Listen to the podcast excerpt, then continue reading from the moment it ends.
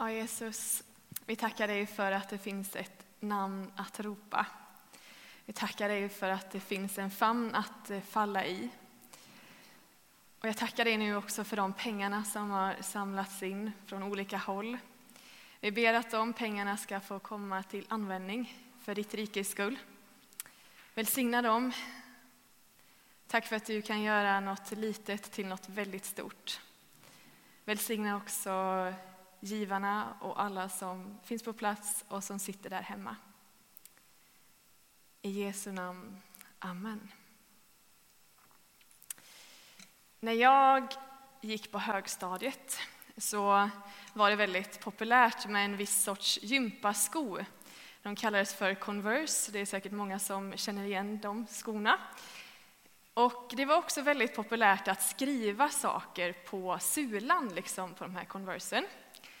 Och då hade min kompis skrivit Jesus på sin sula.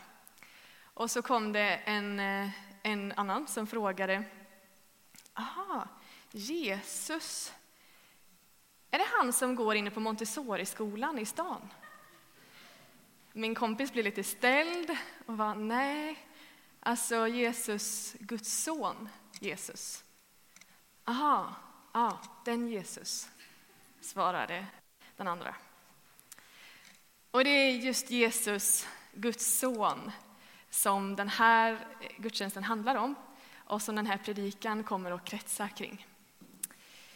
Idag är det inte många historiker som påstår, eller forskare som påstår att Jesus inte skulle ha existerat.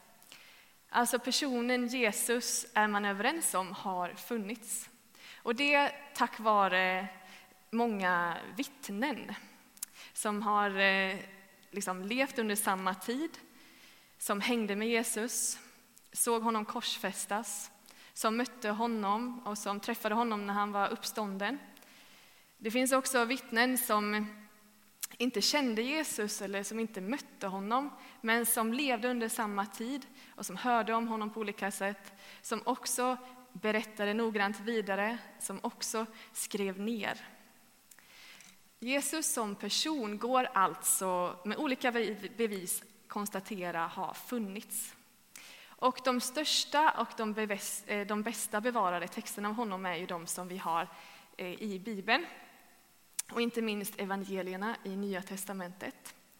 Men det finns också som sagt andra då som eh, har skrivit texter från den här tiden som faktiskt pratar om Jesus. Och mycket av de texter och det material som vi har om Jesus är tyvärr förlorat i, i bränder och i andra liksom, krig och katastrofer.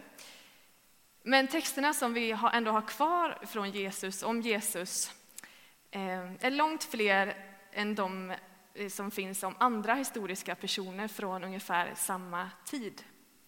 Vi skulle kunna ta Alexander den store som exempel. Han är en av världshistoriens största krigare, där väldigt många källor har gått förlorade. Och det som vi har skrivit om honom är skrivet först 300-400 år efter att han eh, levde. Jämfört då med de källor som vi har om Jesus, som är långt många fler och där många är skrivna redan första århundradet efter att Jesus dog och uppstod. Och det finns mer än 5 000 manuskript på grekiska bevarat, över 10 000 på latin, 9 300 övriga texter plus mer än 36 000 citat och utdrag från de tidiga kyrkofäderna. Men det är som sagt få som skulle ifrågasätta om Alexander den store verkligen har existerat. Desto fler har ifrågasatt om verkligen Jesus har funnits. Och det är inte bara kring texter och sådana bevis som man har forskat kring, utan man har också försökt att se liksom till, till Bibelns trovärdighet. Det finns ju en hel del liksom ändå märkliga saker som evangelierna talar om. Till exempel så står det att det lyste en stark stjärna över Jesu födelseplats och att det var den här stjärnan som ledde människor dit för att se på den nyfödde Jesus. Och det skulle ju kanske vara lite underligt, eh, eller det är ju lite underligt att det lyste just en stark stjärna. Men då har astronomer liksom gått tillbaka i tiden och försökt forska liksom på just den här tidpunkten då man kan ändå räkna ut att Jesus borde ha fötts. Och det man har sett är att det syntes en stor komet över Betlehem just den här tiden som Jesus borde ha fötts där. Så att tro handlar egentligen inte om huruvida man tror att Jesus har existerat som historisk person eller inte. Utan det handlar snarare om att tro, eller, ja, men tro handlar snarare om att tro att är han verkligen den som texterna talar om? Är han Guds son? Och har han någonting med mitt liv att göra idag? När jag var tonåring, eller gick på gymnasiet, ja men då är man väl tonåring, så var jag en kväll på ett ungdomsmöte där. Det var en gudstjänst som en, en bibelskola anordnade, så det var liksom folk som var där som hade den här gudstjänsten som jag inte eh, kände sedan tidigare. Jag gick dit eh, och var ganska uppgiven och ganska trött och eh, ja, men ledsen. Typ. Och jag kände att jag så gärna ville ha ett tecken och en hälsning från Gud den här kvällen. Och jag satt där i bänken längst ner och var liksom lite så här obstinat typ och sa det till Gud att ja, men om du finns, då får du visa det för mig ikväll. Ehm, och det är inte alltid man får ett bönesvar på den bönen, för jag tror att det är ganska många som ställer, liksom, ber den bönen ibland. Men just den här kvällen så fick jag bönesvar. Då var det en tjej från här, den här bibelskolan som kommer till mig där jag sitter i min bänk under gudstjänsttid, kollar mig i ögonen och säger Jesus längtar efter dig. Jesus längtar efter dig. Och vem är den där Jesus som fortfarande verkar och som längtar efter mig och som längtar efter dig? Och hur kommer det sig att 2000 år efter att han dött och uppstått att fortfarande två miljarder människor tror att han är deras personliga frälsare, Messias, Guds son, att han lever idag. Bono, det kanske är några som känner till honom. Han är en, en känd musiker och sångare. sångare. Har eh, sjungit i bandet U2. Han är kristen. Och eh, en gång så fick han en fråga från en journalist angående hans kristna tro. Där journalisten frågade någonting i stil med ja, men Jesus, vi kan konstatera att han var en av världens främsta tänkare och god religiös ledare. Men Guds son, är inte det lite överdrivet? Och då svarar Bono så här. Jag tror inte att vi kommer undan så lätt med att säga att han var en stor tänkare eller filosof. För han sa faktiskt att han var Messias. Därför blev han korsfäst. Han korsfästes för att han sa att han var Guds son. Så enligt mig var han antingen Guds son eller så var han galen. Och jag har svårt att tro att halva jorden i nära 2000 år har blivit så berörda och inspirerade av en galning. Jag tror inte det. En del människor menar att Jesus aldrig gjorde anspråk på att han var Gud. Och det stämmer. Han gick liksom inte runt och sa ”jag är Gud”. Vi ska snart titta lite närmare på vad Jesus sa om sig själv. Men först så vill jag gå till den text som Jonny läste här tidigare från Johannes evangeliet. Och det här var en text som är precis det första som Johannes skriver i sitt evangelium. Och det är en, ändå får man lov att säga, en oerhört liksom, mustig sammanfattning om vem Jesus är och varför han kom till världen. Men det är också en ganska svår text att begripa. Johannes slänger sig här med gamla liksom, filosofiska begrepp som just ordet. På grekiska eh, så betyder det logos. Och han är överlag väldigt filosofisk och lite poetisk i den här inledningen. I begynnelsen fanns ordet, och ordet fanns hos Gud, och ordet var Gud. Ordet, eller då logos, är ett ord som gamla antika filosofer var väl bekanta med. Logos beskrev mänsklig kunskap och universums inneboende ordning, eller universums logik. Och det Johannes syftar till i sin text är att Jesus är ordet. I begynnelsen fanns Jesus och Jesus fanns hos Gud.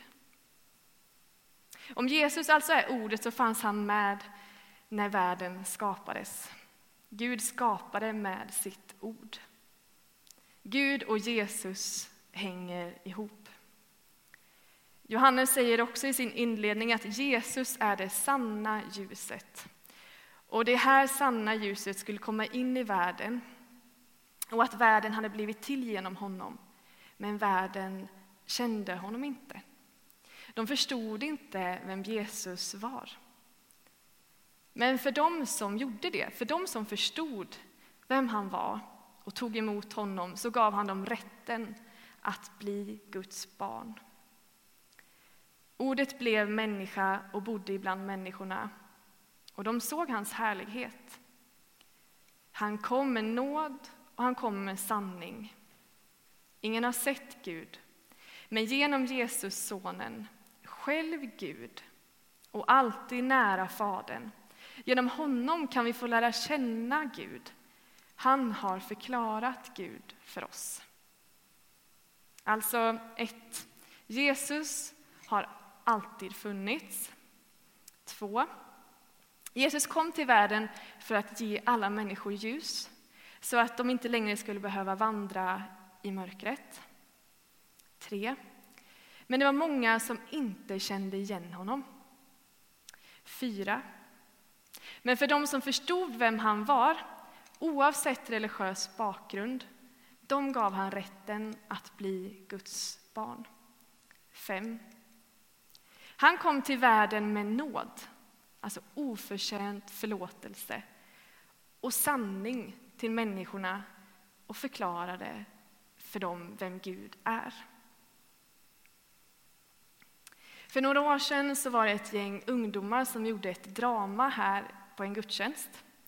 Och ju mer jag tänker på det här dramat, desto mer genialiskt tycker jag att det var. Och det förklarar egentligen hela den här inledningen, Johannes inledning, på ett bra sätt. Det här, det här dramat handlar om hur en människa hade väldigt stark kärlek till ett gäng myror. Han försökte kommunicera med de här myrorna eh, för att det skulle byggas en väg precis där deras myrstack gick. Och han försökte på många olika sätt att liksom säga till myrorna att ni måste flytta härifrån, för annars så kommer de förstöra er myrstack, ni kommer att dö. Och han eh, försöker först att berätta det för dem, men de fattar såklart inte vad han säger. Sen försöker han visa på en skylt, liksom skriva så här, varning, de ska bygga en väg. Men de kan inte läsa, de förstår inte vad det står. Människan funderar på hur ska, jag, hur ska jag kommunicera det här till myrorna som jag älskar så mycket. Så kommer han på det genialiska. Men om jag själv blir myra, då kan jag ju berätta det här för dem. Eh, sen tror jag att det här dramat slutar, jag kommer inte ihåg så mycket mer. Men man kan ju spekulera i att eh, om det kommer en myra till en myrstack som, som påstår att han egentligen är en människa och som börjar berätta om saker och sanningar som finns utanför den här myrstacken. Jag ska bygga en väg här. Jag lovar, det är sant. För jag har varit människa, jag är människa. Man kan ju tänka sig att det blir en ganska skeptisk stämning där bland de andra myrorna. Det här tycker jag sammanfattar egentligen ganska bra. Gud såg att människorna behövde räddas. Därför gick han ner på deras nivå. Ordet blev kött. För att ge dem nåd och sanning. Och för att de som lyssnade till honom och som förstod vem han var gav han rätten att bli Guds barn. De blev räddade. Okej, det här säger Johannes om Jesus och vem han är. Men vad säger Jesus själv då om eh, sig själv? Vi ska kolla lite närmare på hans undervisning genom, jag ska läsa upp några bibelord för er. De kommer även komma upp här på skärmen. På ett ställe så säger han att jag är vägen, sanningen och livet. Ingen kommer till Fadern utom genom mig. Det Jesus i princip säger är, vill ni ha kontakt med Gud, så kom till mig. Något som ledande psykologer i vårt århundrade har bekräftat är att det verkar finnas en, en hunger eh, djupt nere i människans hjärta. Freud sa människor hungrar efter kärlek. Jung sa människor hungrar, hungrar efter trygghet. Adler sa människor hungrar efter att betyda något. Men Jesus sa jag är livets bröd. Med andra ord, om du vill ha din hunger stillad, så kom till mig. Han sa även, jag är världens ljus. Den som följer mig ska inte vandra i mörkret, utan ha livets ljus. På ett annat ställe säger han, den som tar emot mig, han tar inte emot mig, utan den som har sänt mig. Så älskade Gud världen, att han gav den sin enda son för att de som tror på honom inte ska gå under utan ha evigt liv. Jag är uppståndelsen och livet. Den som tror på mig ska leva om han än dör, och den som lever och tror på mig ska aldrig någonsin dö. Det här var ett axplock av, av Jesu citat, Jesu ord. Men det var inte bara genom, genom ord som han eh, eh, liksom berättade om vem han var och är. Vid ett tillfälle så eh, är han vid en förlamad man och säger till den här mannen, min son, dina synder är dig förlåtna. Reaktionen från de religiösa ledarna var, hur kan han säga så? Det är bara Gud som kan förlåta synder. Han härdar. Jesus förklarar att han har makt att förlåta synder. Vem har makt att förlåta synder om inte Gud? Jesus är både mänsklig och gudomlig. Han är alltså inte mänsklig i en situation och gudomlig i en annan. Han är gudomlig när han sågar brädor och han är mänsklig när han väcker upp en död man eh, till liv. Men det var just hans anspråk på att vara Gud och vara Messias som gjorde de religiösa ledarna så förargade. De som sa sig redan tro på Gud förstod inte vem han var. Världen kände inte igen honom, hans egna tog inte emot honom. Och det här ledde så småningom också till hans död. Att dö på ett kors var en tortyr. Det var plågsamt, smärtsamt, ångestfyllt och helt, ett helt fruktansvärt sätt att dö på. Men detta mordredskap pryder idag många människors halsar. Det är ett tecken på våra kyrkor, på våra gravstenar. Det är en symbol på många andra föremål. Korset symboliserar idag hopp för många. Och varför är det så?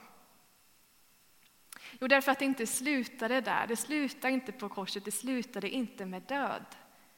Efter tre dagar så uppstod Jesus från de döda. Han övervann döden, besegrade Satan, han besegrade graven och i och med det så förlorade synden sin makt här i världen.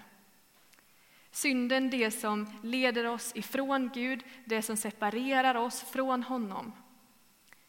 Genom döden och uppståndelsen så kan vi få ha en relation med Gud.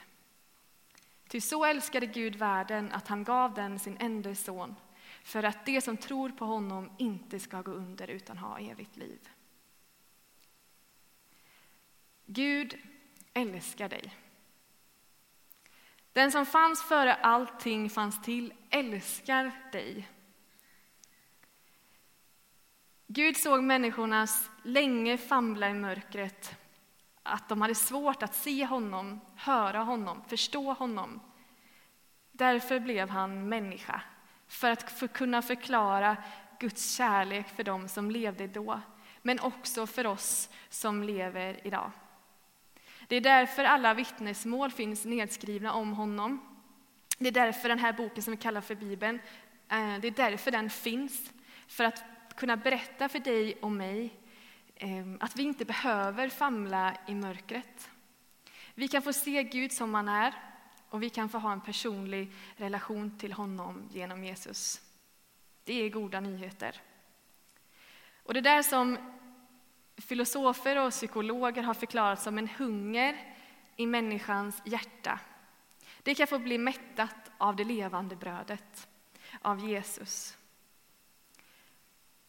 Och precis som jag fick den här hälsningen för många år sedan, att Jesus längtar efter mig, samma hälsning är till er idag. Jesus längtar efter dig. Men jag tror inte bara att det är han som längtar efter oss. Jag tror också att människan längtar och hungrar efter honom.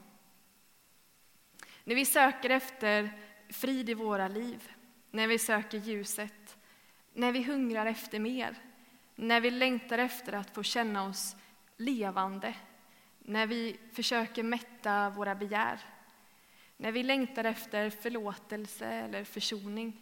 Jag tänker att det är när vår ande, när vår kropp och när vår själ när hela vårt väsen längtar efter Gud.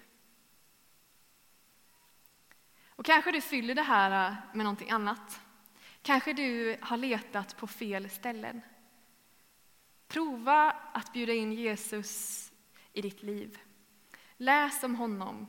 Våga be till honom. Se vad som händer. Är han den som han säger att han är? Är han den som andra genom 2000 år har sagt att han är? Att han är uppstånden? Att vi kan få ha en relation till den levande guden? Våga pröva. Antingen upptäcker du att han bara var en galning eller så upptäcker du att han är Guds son. Och vad kan vara häftigare än att få ha en relation till den levande guden? Amen. Jesus, jag tackar dig för att du är levande idag. Jag tackar dig för att eh, vi kan få ha en relation till dig idag. Och jag tackar dig för att du kom till jorden, för att du dog, för att du uppstod för våran skull, så att vi ska kunna ha en relation till den levande guden, till Fadern idag. Jag ber för var och en som sitter här inne.